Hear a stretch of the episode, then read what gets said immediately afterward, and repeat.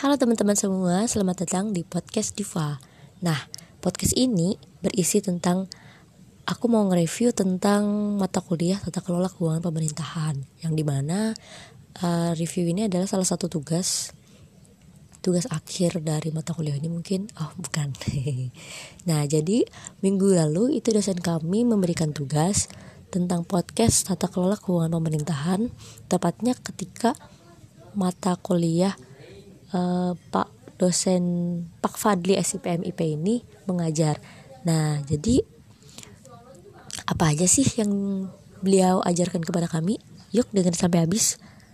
Nah, yang pertama-tama yang aku ingat sih APBN, APBD, kemudian ada pendapatan asli daerah, lalu ada e-government, maksudnya kayak aplikasi-aplikasi yang dibangun pemerintah untuk masyarakat dalam rangka meningkatkan mutu masyarakat gitu dalam menyiapkan dan menghadapi teknologi.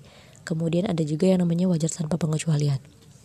Oke, kita langsung uh, masuk pertama aja ya. APBN. Apa sih itu APBN? Dan singkatannya itu dari apa sih? APBN itu adalah anggaran pendapatan belanja negara yang biasanya dirancang dan disusun untuk memenuhi kebutuhan dan pengeluaran sebuah negara. Nah, APBN ini berisi daftar sistematis yang terperinci yang memuat tentang rencana penerimaan dan pengeluaran negara selama satu tahun yang terhitung mulai dari 1 Januari sampai 31 Desember. Nah, jadi pas harus satu tahun ya mulai dari awal sampai akhir.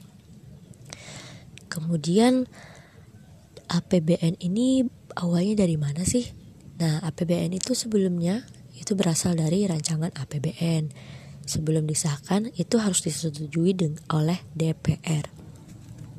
Kemudian komponen APBN itu dari mana aja?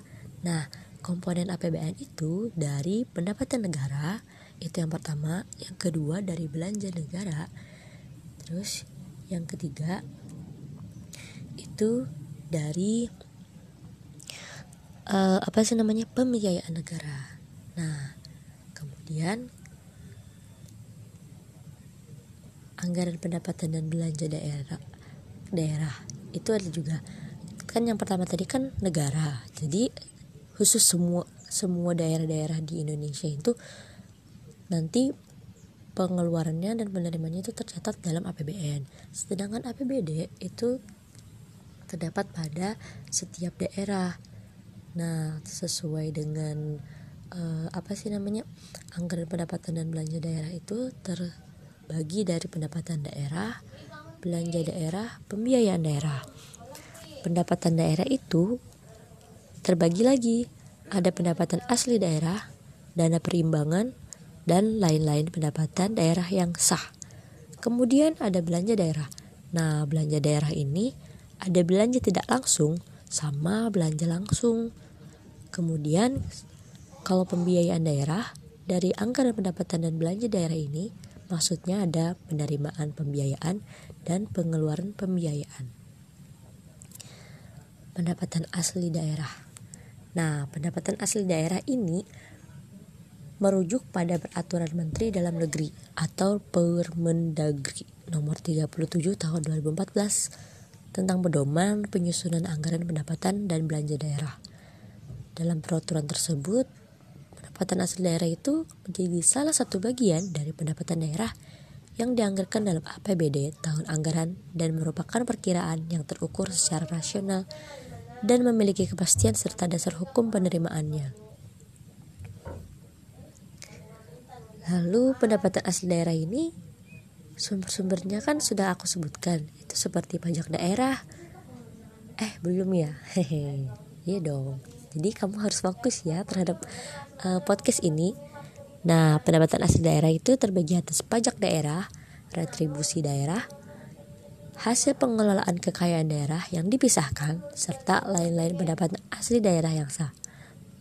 Nah, dari APBD ini ketika ada situasi yang tidak direncanakan, yang tidak diketahui, seperti misalnya uh, datangnya wabah bukan wabah lagi ya tapi covid ini adalah pandemi. Karena uh, bisa merambah. Bukan bisa lagi tapi memang nyatanya memang faktanya memang datanya sudah merambah ke pelosok negeri ke semuanya semua wilayah. Ibaratnya eh, pandemi covid-19 ini kayak go internasional banget ya. Karena sudah bisa keluar negeri ke mana-mana gitu. Nah pandemi covid-19 ini kan gak ada yang tahu tuh setiap negara dimasukin gitu kan. Kemudian pasti banyak dampak yang terjadi. Baik itu dampak ekonomi dampak politik dampak keuangan yang seharusnya APBN tahun ini dari dianggarkan untuk program A program B. Tapi karena datangnya situasi yang tidak terduga ini lalu dana-dana tersebut dianggarkan kembali maksudnya tuh dibikin kembali dirancang kembali yang mana setiap negara lebih melihat pada situasi prioritas. Yang mana sih yang lebih prioritas? Nah, ketika pandemi Covid ini datang, negara itu biasanya memprioritaskan kepada orang-orang yang terdampak. Nah, jadi orang-orang yang terdampak itu misalnya seperti um, korban COVID-19 maupun tenaga medis atau tenaga kesehatan. Nah, biasanya dianggarkan di setiap rumah sakit itu ada alat, ada apa sih namanya APD, APD, alat pelindung diri itu karena COVID ini kan sangat berbahaya sekali. Jadi ya itu tadi APBN memprioritas APBN diprioritaskan lagi yang diambil dari belanja tidak langsung. Nah, itu dia teman-teman. Kemudian dari APBN sendiri itu memiliki asas-asas tahu nggak kalian iya dong memiliki asas-asas tapi sebelum itu aku pengen ngasih tahu dulu nih sumber keuangan negara APBN dan APBD itu seperti ada juga seperti hasil investasi pembangunan yang biasanya memberi banyak kontribusi.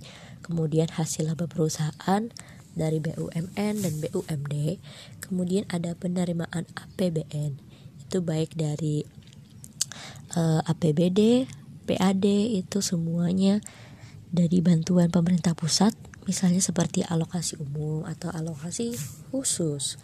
Nah kemudian ada juga tuh sumber keuangan negara dari hibah dari dalam negeri dan luar negeri biasanya hibah ini pada yang bersyarat dan tidak bersyarat Kemudian sumber keuangan negara ini ada dari barang sitaan dan tak bertuan.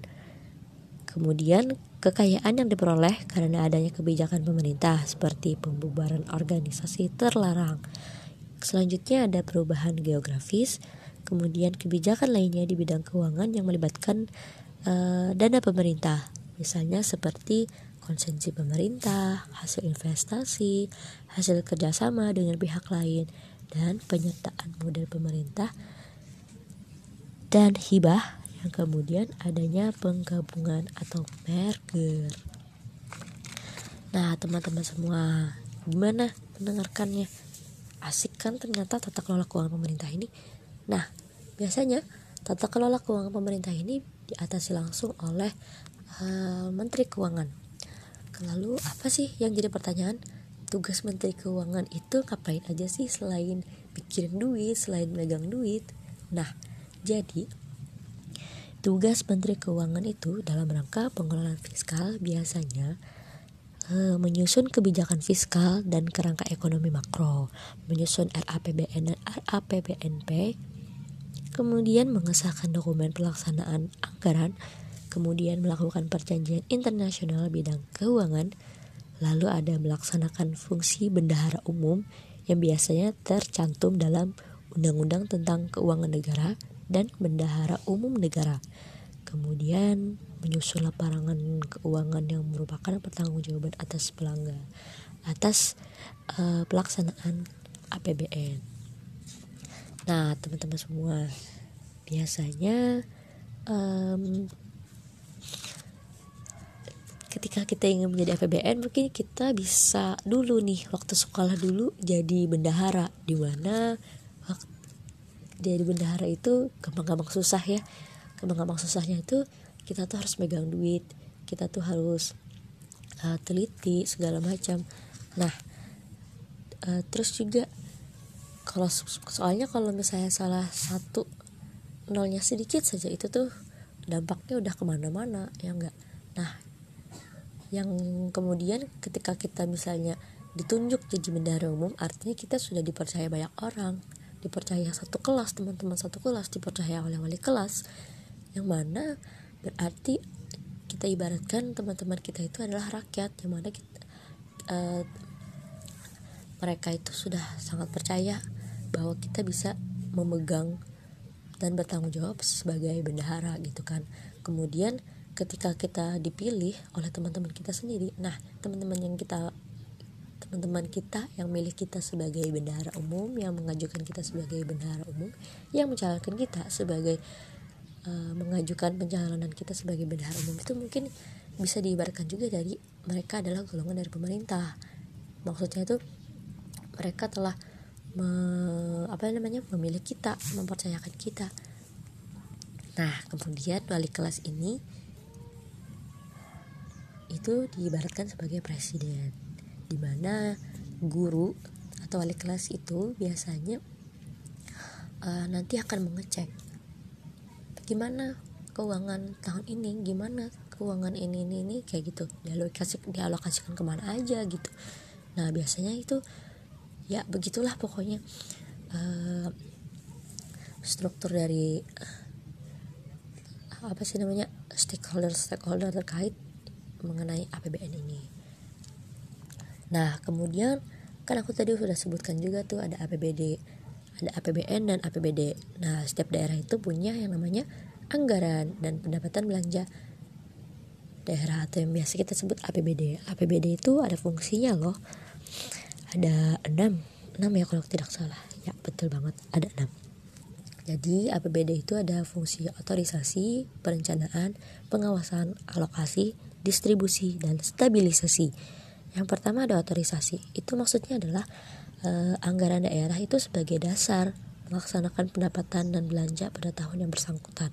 Yang kemudian perencanaan. Setelah otorisasi itu eh, adanya perencanaan yang dibuat oleh gubernur, wali kota, dan bupati.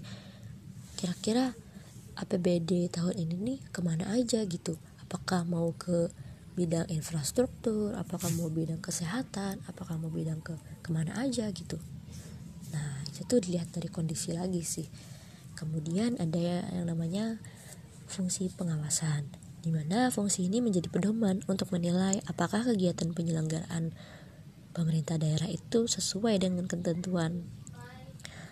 Apakah cuma foya-foya apakah memang menggunakan APBD ini sesuai dengan kebutuhan masyarakat gitu kan nah selanjutnya ada fungsi alokasi yang mana fungsi alokasi itu harus tepat mengurangi pengangguran atau pemborosan sumber daya juga harus meningkatkan efisiensi dan efektivitas perekonomian.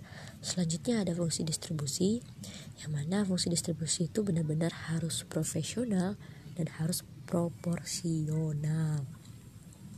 Nah, Kemudian uh, ada pula stabilisasi.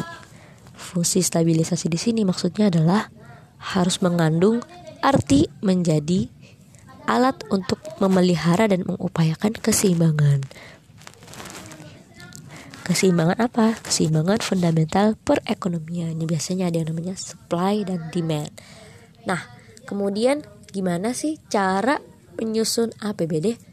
Nah, APBD ini uh, awalnya dibikin oleh pemerintah daerah.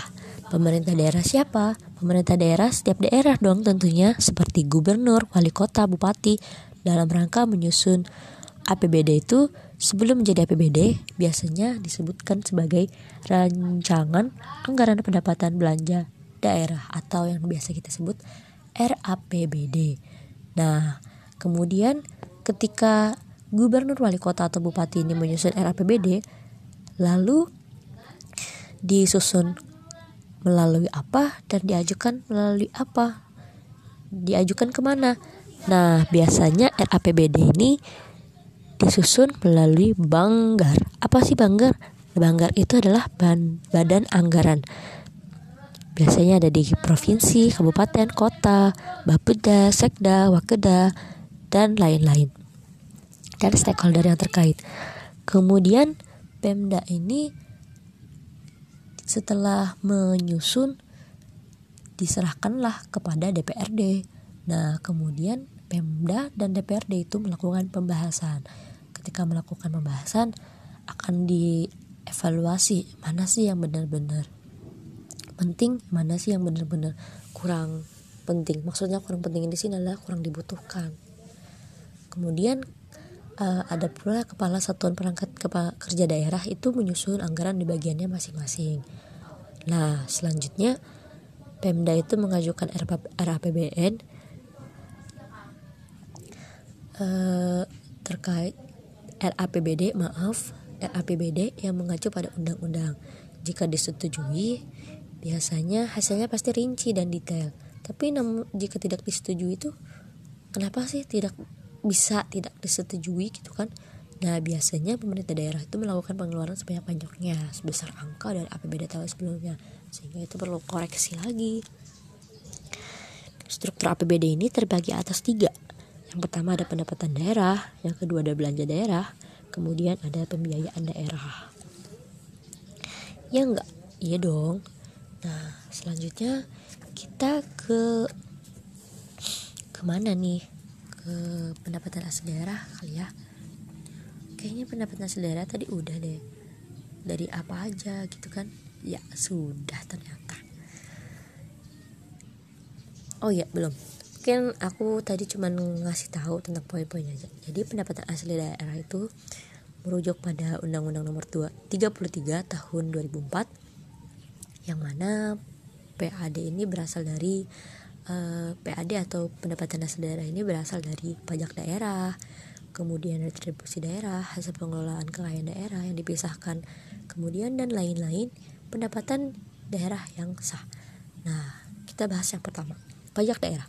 Apa sih itu pajak daerah? Pajak daerah itu biasanya disebut pajak, yang mana kontribusi wajib kepada daerah yang terutang oleh pribadi atau badan yang bersifat memaksa berdasarkan undang-undang dengan tidak mendapatkan imbalan secara langsung dan digunakan untuk keperluan daerah bagi sebesar-besarnya untuk kemakmuran rakyat dan kesejahteraan rakyat. Nah, pajak daerah ini biasanya kita temukan dari pajak motor, pajak bumi dan bangunan gitu kan. Nah, selanjutnya ada retribusi daerah. Retribusi daerah itu selanjutnya disebut sebagai retribusi adalah pungutan daerah sebagai pembayaran atas jasa atau pemberian izin tertentu yang khusus disediakan dan atau diberikan oleh pemerintah daerah untuk kepentingan pribadi atau badan. Selanjutnya ada hasil pengelolaan kekayaan daerah yang dipisahkan. Nah, biasanya hasil pengelolaan kekayaan daerah ini dari kekayaan negara adalah komponen kekayaan negara yang pengelolaannya diserahkan oleh BUMN atau BUMD. Nah, kemudian pengelolaan kekayaan negara ini dipisahkan dari sub bidang keuangan negara yang khusus ada pada negara-negara non-publik. Hasil pengelolaan kekayaan daerah itu dipisahkan dari bagian dari PAD yang antara lain bersumber dari bagian laba dari perusahaan daerah, bagian laba dari lembaga keuangan bank, bagian laba atas penyertaan modal kepada bank usaha lainnya. Kemudian ada pula yang namanya wajar tanpa pengecualian. Nah, apa sih itu wajar tanpa pengecualian? Jadi, wajar tanpa pengecualian itu termasuk dalam opini audit, yang mana opini audit itu ada lima.